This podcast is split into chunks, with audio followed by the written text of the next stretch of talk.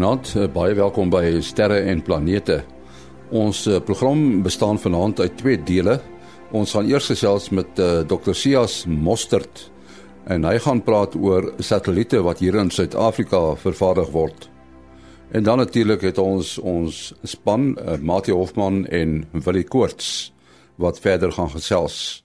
En dan natuurlik ruimtenis wat uh, elke week vir ons geskryf word deur Herman Turin in Bloemfontein. Die maanoppervlak gaan teen die einde van die jaar op aarde nagemaak wees, luidens 'n verklaring deur die Europese Ruimteagentskap ESA. Hierdie stukkie maan op aarde sal vir die opleiding van ruimtevaarders en die toets van toerusting gebruik word. Dit word by Keulen in Duitsland ontwikkel. Die oppervlakgrond kom van 'n vulkaan en boots die maanoppervlak goed na. Die nagemaakte maanoppervlak sal sowat 1000 vierkante meter beslaan en 'n maanhabitat oftewel 'n wooneenheid insluit. Die habitat sal bedags regstreeks sy elektrisiteit van sonkrag trek, maar ook bedags water en suurstof en waterstof skei wat dan gedurende die 2 weke lange maan-nag gebruik sal word om krag op te wek.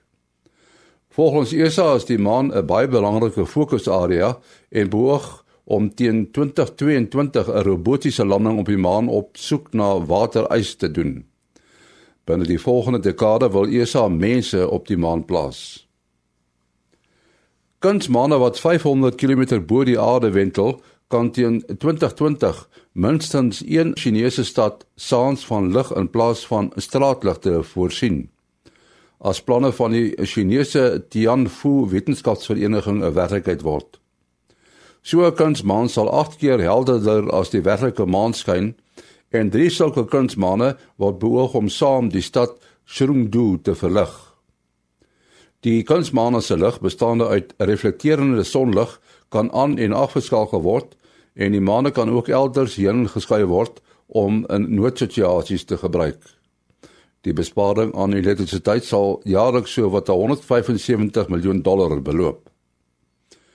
Dit was aan ruimtenis wat geskryf is deur Herman Torin in Bloemfontein. Nou ja, soos ek gesê het, praat ons vanaand met Dr. Sias Mostert, hy is die uitvoerende voorsitter van die SCS Aerospace Groep.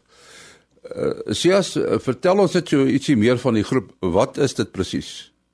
So so so die SCS um, Aerospace Groep uh, fokus op die op die ruimtebedryf en ontwikkel ook produkte vir die uh, vir die lugvaartbedryf uh spesifiek observasiestelsels. Ehm um, en ons hoof fokus is op die ruimtebedryf. So die SS Aerospace groep uh vervaardig, ontwerp en vervaardig satelliete en verskaf ingenieursdienste wat verband hou met ander mense wat graag satelliete wil bou en dan is hulle ook besig om inligtingstelsels te ontwikkel wat satelliete gebruik. Die satelliete wat julle vervaardig, watter soort satelliete is dit? Ja, so ons kleinste satelliet weeg uh, 2.5 kg. Ehm um, en uh, ons grootste satelliet wat ons uh, nou afgelewer het onlangs saam met 'n kliënt weeg 450 kg. So in die in die klas en dan sou 'n paar satelliete wat ons al gebou het in die klas van 100 kg. Tussen 60 en 100 kg. So die klein satelliete het 2.5 kg tot so by 20 kg miskien is word nanosatelliete genoem. En dan hiervan orde groot dit kom ons sê 50 kg na 250 kg 300 miskien selfs word mikrosatelliete genoem en dan hier hoe swaarder is dit tot so by 1000 kg word mini satelliete genoem. As as 'n mens nou kyk na die behoefte aan satelliete, lyk dit vir my eh, daar is 'n groot mark vir hierdie kleiner tipe satelliete. Die kleiner satelliete ehm um, maak gebruik van 'n paar uh eh, tegnologie verskywings wat plaasgevind het. Ehm um, en die een is die miniaturisering van van tegnologie. En mens kan jouself indink dat jy dra vandag in jou hand 'n uh, selfoon rond wat nie lank gelede nie die vermoë van 'n van 'n skootrekenaar was en voor dit die vermoë van 'n staanrekenaar was.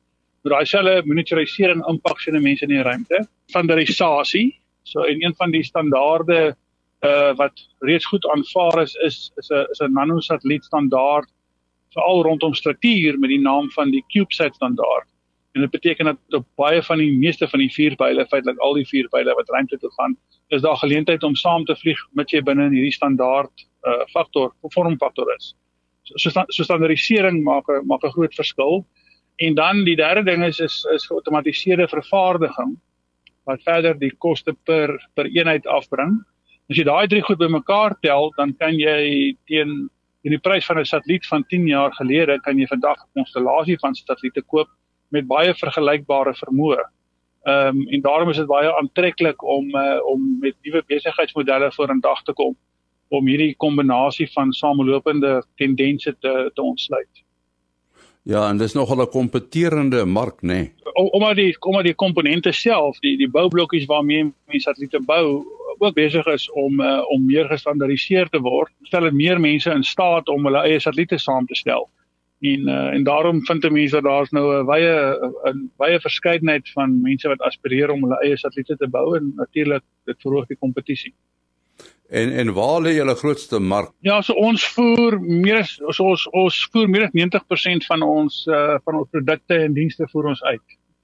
Ehm um, na na die wêreld en ons aan ons aan die komponentkant verkoop ons uh komponente vir satelliete al die pad van Japan se uh, ruimteagentskap deur Asië, Europa, Amerika.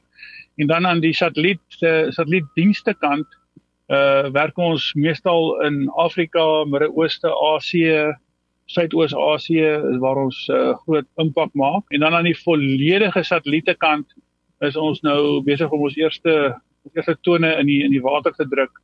En dit lyk asof ons Suid-Afrika uit nogal groot belangstelling het vir vir een van ons produkte. En, en waarvoor word die satelliete hoofsaaklik gebruik?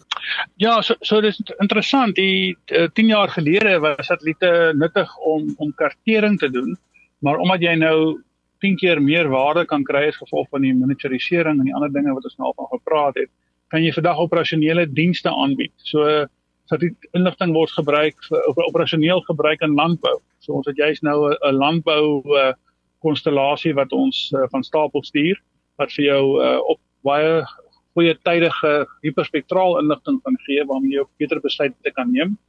Dan is die een ander groot aanwending is natuurlik op die in die maritieme gebied. So uh, dit is baie moeilik om andersins uh jou oseane dop te hou. Uh Afrika het so orde grootte 30 30 miljoen vierkante kilometers uh, ekonomiese aktiewe see-area, die EEZ plus die uh, sogenaamde kontinentale uh, shelf waar daar ekonomiese aktiwiteit is wat deur Afrika bedryf kan word. En as jy dit nie kan patrolleer nie, dan kan jy dit nie beheer nie en dan dan en dan lê jou ekonomie grootliks daaronder. So dis is in die dis in die maritieme aanwending. En dan is daar 'n interessante aanwending in die in die konteks van van die versekeringsbedryf. Ehm um, ons doen baie werk in Suid-Afrika rondom uh, gebouassesserings en uh, en waardebepalings en maar sodra mense daai diens wil uitbrei na die res van Afrika toe om 'n bietjie meer finansiële sekuriteit te kan gee vir mense as hulle skade sou ly, dan vind jy dat daar baie min inligting beskikbaar is. So dis waar ons hoë resolusie satelliete um, wat ons nou aan werk 'n baie groot rol kan speel.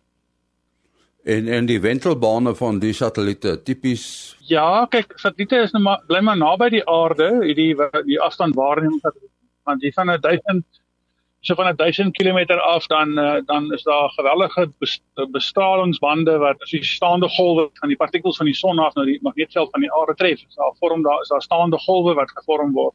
En in die staande golwe rondom die aarde is vind jy so van 1000 km af op is daar groot bande waar daar baie baie bestraling is. So jy wil bly onder 1000 km bly verkieslik. Anders moet jy baie ruimtebestande komponente begin gebruik. En dan aan die onderkant van daai wentelbaan venster uh, hier as jy 500 km lanceer, dan het jy tipiese leeftyd van van so 3 jaar voor jou wentelbaan baan begin uh, begin in, intrek uh nader aan die aarde kom. Uh anders moet jy propulsie opsit om om daar te bly. So so tussen 500 en 1000 km is die venster waar mens gerieflik satelliete kan sit. Natuurlik ons InSight 1 satelliet is gelanseer van die internasionale ruimtestasie af en hy sit op 400 km. Ehm um, maar ons en hy gaan nou op ouend 'n 3 jaar wentelbaan leeftyd hê wat eintlik buitengewoon is vir daai vir so laag, maar dis omdat ons sy ballistiese koëffisiënt uh, baie effektief bestuur dat hy 'n 3 jaar leeftyd gaan hê. En uh, hierdie satelliete word nie eintlik vir kommunikasie gebruik nie, né? Nee. Dis interessant, as jy kommunikasie gebruik op satelliete, dan moet jy besluit watter tipe kommunikasie in gedagte het. So as jy as jy as jy net wil wil hoor of jou waterpomp nog loop, dan word 'n klein pakkies ehm um, Twitter tipe van boodskap lengtes dan kan 'n mens met so as jy so 24 na 36 satelliete nodig uh as jy redelike goeie dekking oor die aarde wil hê. Maar as jy so dis 'n on, onmoontlike konstellasie en as jy wil spraakkommunikasie ondersteun dan doen Iridium doen dit met 66 satelliete om die aarde, maar dit is 'n 2 miljard dollar uh, kapitaliseringsprojek. En dan as jy natuurlik verder wil gaan en jy wil breëband nie net spraak smal uh, smal smal bandwydte spraak ondersteun nie, maar jy wil breëband internet ondersteun, dan begin 'n mens kom in die liga van die van die OneWebs waar jy honderde satelliete nodig het om vir jou 'n goed genoeg ehm um, kakelbegroting te gee dat jy genoeg seinsterte het om uh, om 'n breë band sein te kan oordra. Ja, die satelliete wat ons bou kan vir kommunikasie. Een satelliet opsit dan kan jy vier keer 'n dag kan jy oor Suid-Afrika byvoorbeeld uh, data versamel. Ehm um, en vir sommige toepassings is dit goed genoeg, maar die meeste mense wil darm nou weet waar is hulle waar is hulle skip of waar is hulle motor of waar is hulle vragmotor? En dan natuurlik die groot vraag, uh, daar's groot kommer oor die uh, noem dit nou maar so die oorbevolking van die ruimte hier bo kan die aarde vanweë die baie satelliete. Ek neem aan dat julle voorsiening daarvoor maak dat uh, hierdie satelliete as hy klaar sy werk gedoen het uh, uitbrand as hy die atmosfeer binnekom. Die internasionale uh, ooreenkomste in die verband sê vandag dat as jy jy moet binne 25 jaar vandat jy klaar is met jou werk met jy terugkom. Maar ek vermoed dit gaan dit gaan binne die volgende 5 na 10 jaar gaan dit baie meer dramaties uh, toegepas word as jy klaar is met jy terugkom. Maar jy self kom uitbrand in die atmosfeer of gaan gaan plaas gaan dok aan 'n ander ruimtestasie waar jy miskien al die komponente kan herwin op 'n of ander manier. So dit is dis 'n dis 'n bewegende uh, stel verdrae wat ter sprake is, maar dit word al dit word al stywer en stywer. Dit is verseker. Ek dink nie lank van nou af nie. Ek dink vir uh, Junie hierdie jaar het die die Amerikaanse regering 'n space traffic management, 'n ruimte verkeersbeheer strategie of beleidsdok uh, gepubliseer. So dit is verseker op die kaarte dat dit gaan dit gaan gebeur. Nou die projekte wat julle mee werk, watter watter projek van hulle maak julle die meeste opgewonde? Ons het hierdie jaar ons besigste lanseerjaar. Ons ons het hierdie jaar 3 lanserings uh, waarop ons instrumente op satelliete het. En uh, toevallig is al 3 van die lanserings is op uh, op Chinese vuurpyle. En dit is omdat ons kliënte daarop aangedring het. Uh so ons het uh, in April maand het ons twee instrumente gelanseer um, op maanmissies. Um, al, al twee gevalle is dit net 'n 'n loonvraag wat gehou word op 'n ander ou se satelliet. Uh, in een geval is dit saam met die saam met 'n Nederlandse universiteit, dis 'n radioastronomie teleskoop wat by die 11.2 punt gaan sit. Ehm um, ander kan die maan, dis waar die gravitasie van die maan en die aarde en die son mekaar uitkanselleer. So jy kan in in 'n ruimte rus en vrede daar gaan woon. Ehm um, en dit is uh en die die daai spesifieke loonvraag word aangeskakel sodra die uh, sodra die Chinese maanlander begine werk want dit is eintlik 'n lei satelliet kommunikasies 'n lei satelliet vir die maanlander. Ehm um, die ander die ander loonvraag het ons kliënt die reg voorbou om oor te praat so ek kan niks van hom sê nie maar dis hy hy werk goed en hy doen opwindende dinge. Dan het ons 'n lansering gehad in Julie maand. Ehm um, in die geval is dit 'n uh, baie groter kamera. Dis 'n uh, so 'n kamera met 'n 2 meter resolusie. So jy kan ehm um, stedelike ontwikkeling jy kan jy kan jy kan om, om jy kan nie shacks tel nie, jy kan nie on, jy kan nie informele nedersettingshuise tel nie, maar jy kan die res van stedelike vir uh, ontwikkeling en en, en beweging kan jy dophou. En ons het die kamera gebou en uitgevoer en hy's gelanseer op op ook op 'n Chinese vuurpyl. Hy werk goed, ons beelde lyk goed. Ehm um, en dan het ons die einde van die jaar Desember het ons uh, nog 'n lansering uh, weer op 'n Chinese vuurpyl van twee van ons groter satelliete. Ehm um, maar weer eens is dit ons uh, kliënt die reg voorbehou om enigiets daaroor te sê. Ehm um, so ek kan nie meer sê dit nie maar glo my dit is 'n uh, dit is ons ons grootste satelliete wat ons nog gebou het en ons sien met met op met afwagting uit na die werkverrigting daarvan. Ehm um, maar wat ons regtig die heel opgewondenste maak is ons is ons uh, hiperspektraal kameras. Ons het ehm um, jy kan 'n geweldige klein 'n klein satelliet kan jy 'n vermoë sit wat wat uh wel 10 keer kleiner as wat jy vermoë sit van 20 jaar gelede. Ehm um, so ons het op Sansat byvoorbeeld 'n kamera gehad wat ons 12 meter resolusie gegee het of 'n 64 kg satelliet. Vandag kan ons 12 meter resolusie kry in 'n 6 kg satelliet. Ehm um, so die die klas van werkverrigting wat ons vandag kan kry uit die nuwe generasie tegnologie is is eintlik asemrowend. Ehm um, so ons sien met sien verwagting uit na ons eerste lansering van die van die Chameleon kamera om dit te demonstreer. Nou ons sê baie dankie aan uh, Dr. Sias Mostert wat die uitvoerende voorsitter is van die SCS Aerospace Groep. En uh, soos jy gehoor het, hy het gepraat oor die werk wat hulle doen en al die satelliete wat hulle mee werk. Ja, na daardie gesprek met uh, Sias Mostert, praat ons met ons uh, gewone span en dit is uh, Mati Hofman. Goeienaand Mati. Naand en nie. En dan ook vir Willie Koorts. Goeienaand Willie. Goeienaand.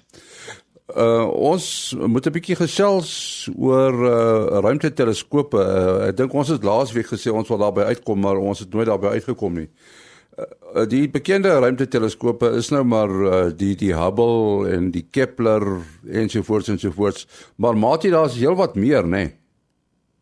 uh nee ek was so 'n bietjie geskok toe ek nou gaan gaan kyk uh ek het nou uh weet so uit die onlangse verlede kom sê nou maar die laaste 10 20 jaar as ons dit nou nog onlangs kan noem uh dan weet mense nou daarom van 'n paar weet ekstra teleskope ehm um, en die infrarooi teleskope soos daar was 'n bekende name soos Spitzer wat daar in 2003 uh gelanseer is en baie bekende en nuttige werk gedoen het.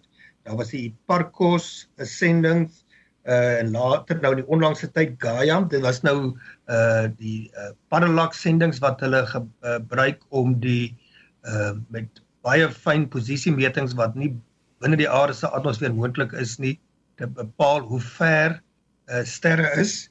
Uh, dit was mos maar altyd 'n groot probleem in die sterrekunde om die afstande te bepaal. Nou die Gaia is in 2013 gelanseer en dit het in, in daai opsig 'n totaal nuwe era ingelei. Nou beide Hipparcos en Gaia kan jy nou as uh optiese of sigbare lig teleskope uh beskou.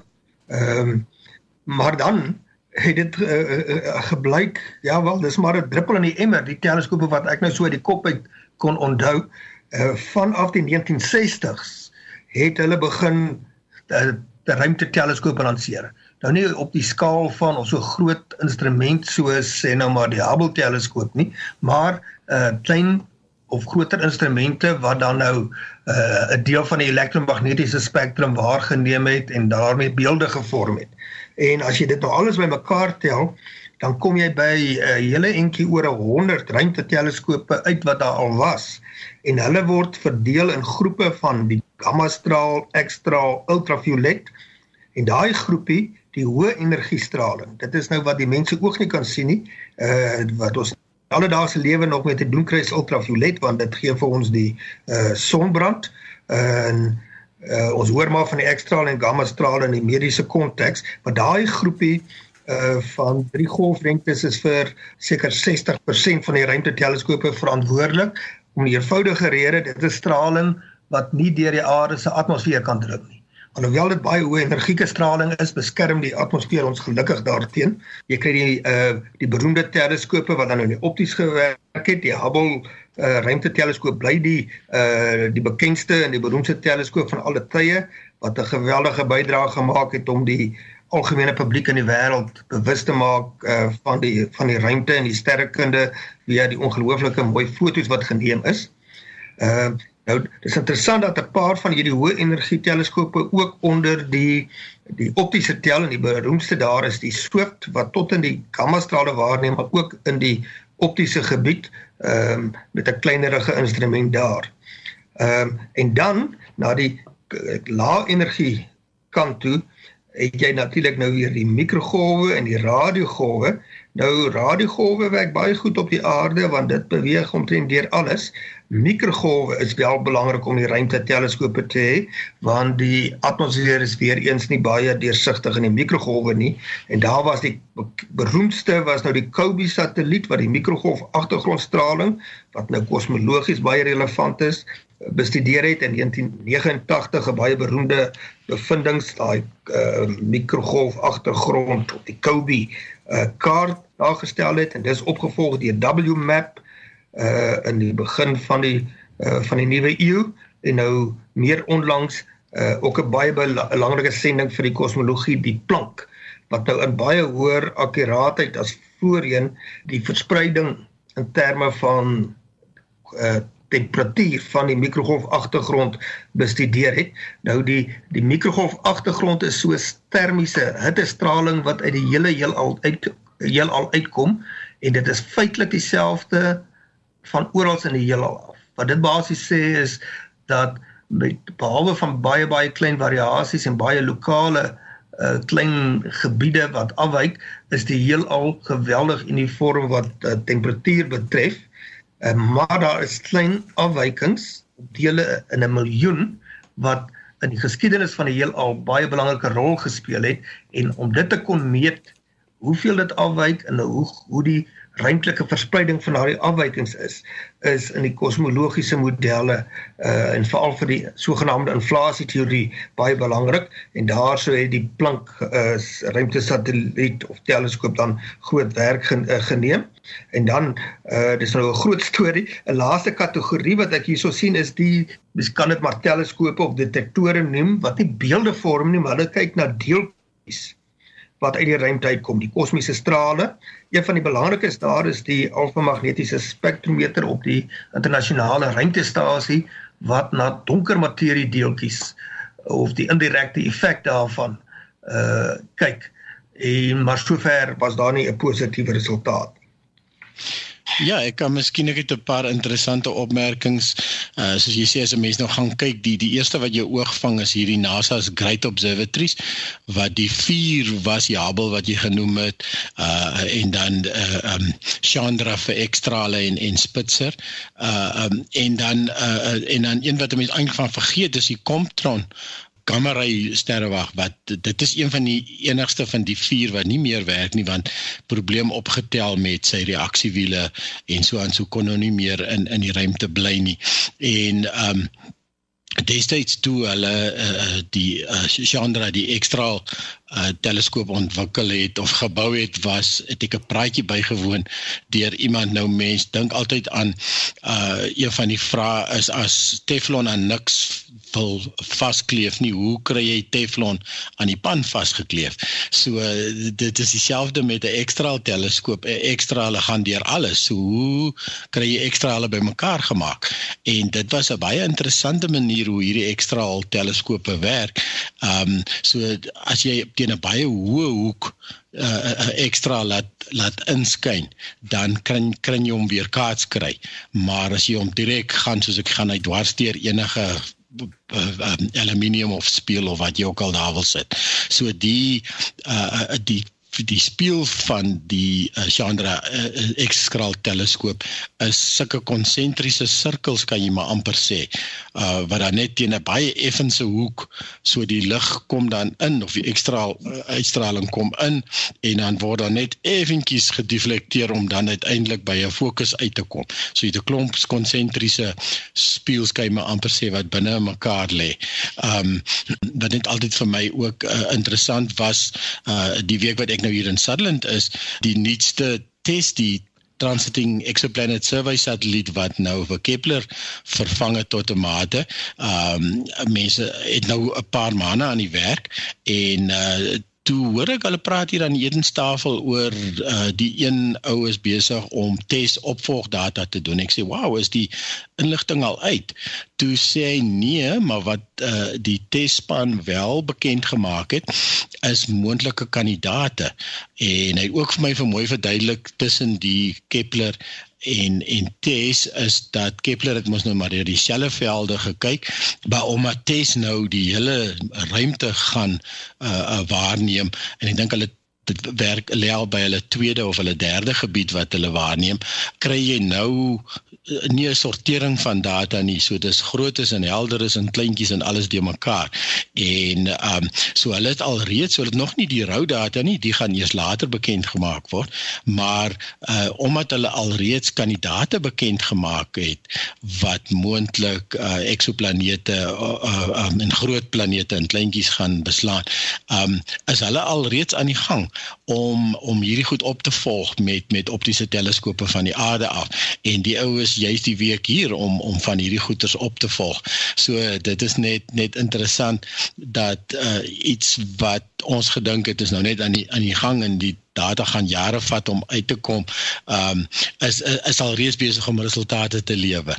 En dan net 'n laaste ding miskien die ons nog gepraat van Hubble ruimteteleskoop, 'n tipe 'n teleskope 'n mens vergeet eintlik natuurlik en dit sal jy nou nie onder hierdie lys van teleskope kry nie, is jou spionasie satelliete. En en um, Greg Roberts het destyds vir my vertel as jy nou so 'n bietjie inligting wat so hier en daar uitkom dat daar is Hubble tipe teleskope wat afkyk aarde toe en en dan wat dan nou vir spionasiewerk gebruik word wat hulle wat ongelooflike fyn detail op die aarde kan sien. En dis eintlik dan ook waar aanpassingsoptika begin het omdat dieselfde probleem as jy hier vanaf van die aarde af uitkyk ruimte toe moet jy deur die atmosfeer werk en dieselfde is jy terugwerk deur met 'n satelliet af aarde toe. So die ehm um, die ontwikkeling van die goeters het het uh, het nie net noodwendig altyd in die in die kommersiële of die navorsingswêreld gebied nie. Uh, begin nie maar ook wel in in spionasie. En baie van hierdie spionasie satelliete as jy hulle fisies ek die goed gaan ons maar boor ons koppe die hele tyd en as jy net weet wanneer om waar te kyk, dan is van die goed ongelooflik helder. En uh, so dit sê vir jou dis 'n taamlike groot teleskoop wat nou gebruik word om aarde toe te kyk. Ja, dit is natuurlik waar die foto's van Google vandaan kom, né? Die die teleskope wat aarde toe kyk. Ja, dis korrek en einste Sia is 'n destyds 'n baie interessante ding vir my vertel. Ons het hier moet Sia was baie betrokke by die voortrekkers en ek neem aan seker nog so. So sy sy seun en my seun was saam uh klaar gemaak so hulle was nogal kompetisie vir mekaar. Dis is met 'n kamp gewees en hoe dit ook al sê, hulle het um uit hier 'n lesing kom gee vir uh, die voortrekkers en iets wat vir my vreeslik interessant was wat hy toe noem is dat die waarde van 'n satellietfoto, so die waarde van 'n satellietfoto is nou is hy op sy hoogste. Jy wil nou weet gaan jou ehm um, as as as jou oes gesond. Uh jy wil nou weet wie kuier by die Kooptasse huis. Jy wil nou weet wat ook al dis dis daai tipe inligting en en dan kan jy die foto uh, uh satellietfoto vir heelwat verkoop en dan um later oor 20 jaar of so dan kry dan begin hy weer historiese waarde op te bou en jy wil weet um hoe het daardie gebied se vloedvlak gelê of hoeveel huise was toe daar gebou of uh ontwikkelings en opslukking en ons weet nou van uh die ys wat wegsmelt ensovoorts. Maar is so by 2 3 jaar uh, uh het 'n satellietfoto sy minste waarde. En en uh mense sal kyk dat uh deesdae is, is van die fotos lyk my nogal jonger as hulle seker ander maniere ontwikkel maar veral te Google Earth begin het was um die fotos vir 2 3 jaar oud. En dit is dan wanneer die foto op sy nutteloosste is en sy laagste waarde bereik. En ehm um, maar dit is heel goed as 'n mens wil kyk hoe het jou huis 2 3 jaar gelede gelyk en in jou straat af ensovoorts so dit dit dit is 'n baie goeie mark wat hulle daar raak gesien het om om dit beskikbaar te stel vir die algemene publiek Goed, ons moet afsluit. Dit is uh, ongelukkig hierdie tyd ons ingehaal. Uh, Matie, wat is jou besonderhede? Selfoonnommer 083 625 7154. 083 625 7154. En dan Willie? Is 072 45 79 208. 072 45 79 208. En dan my e-posadres maas.henny@gmail.com. maas.henny@gmail.com. Tot volgende week. Alles van die beste.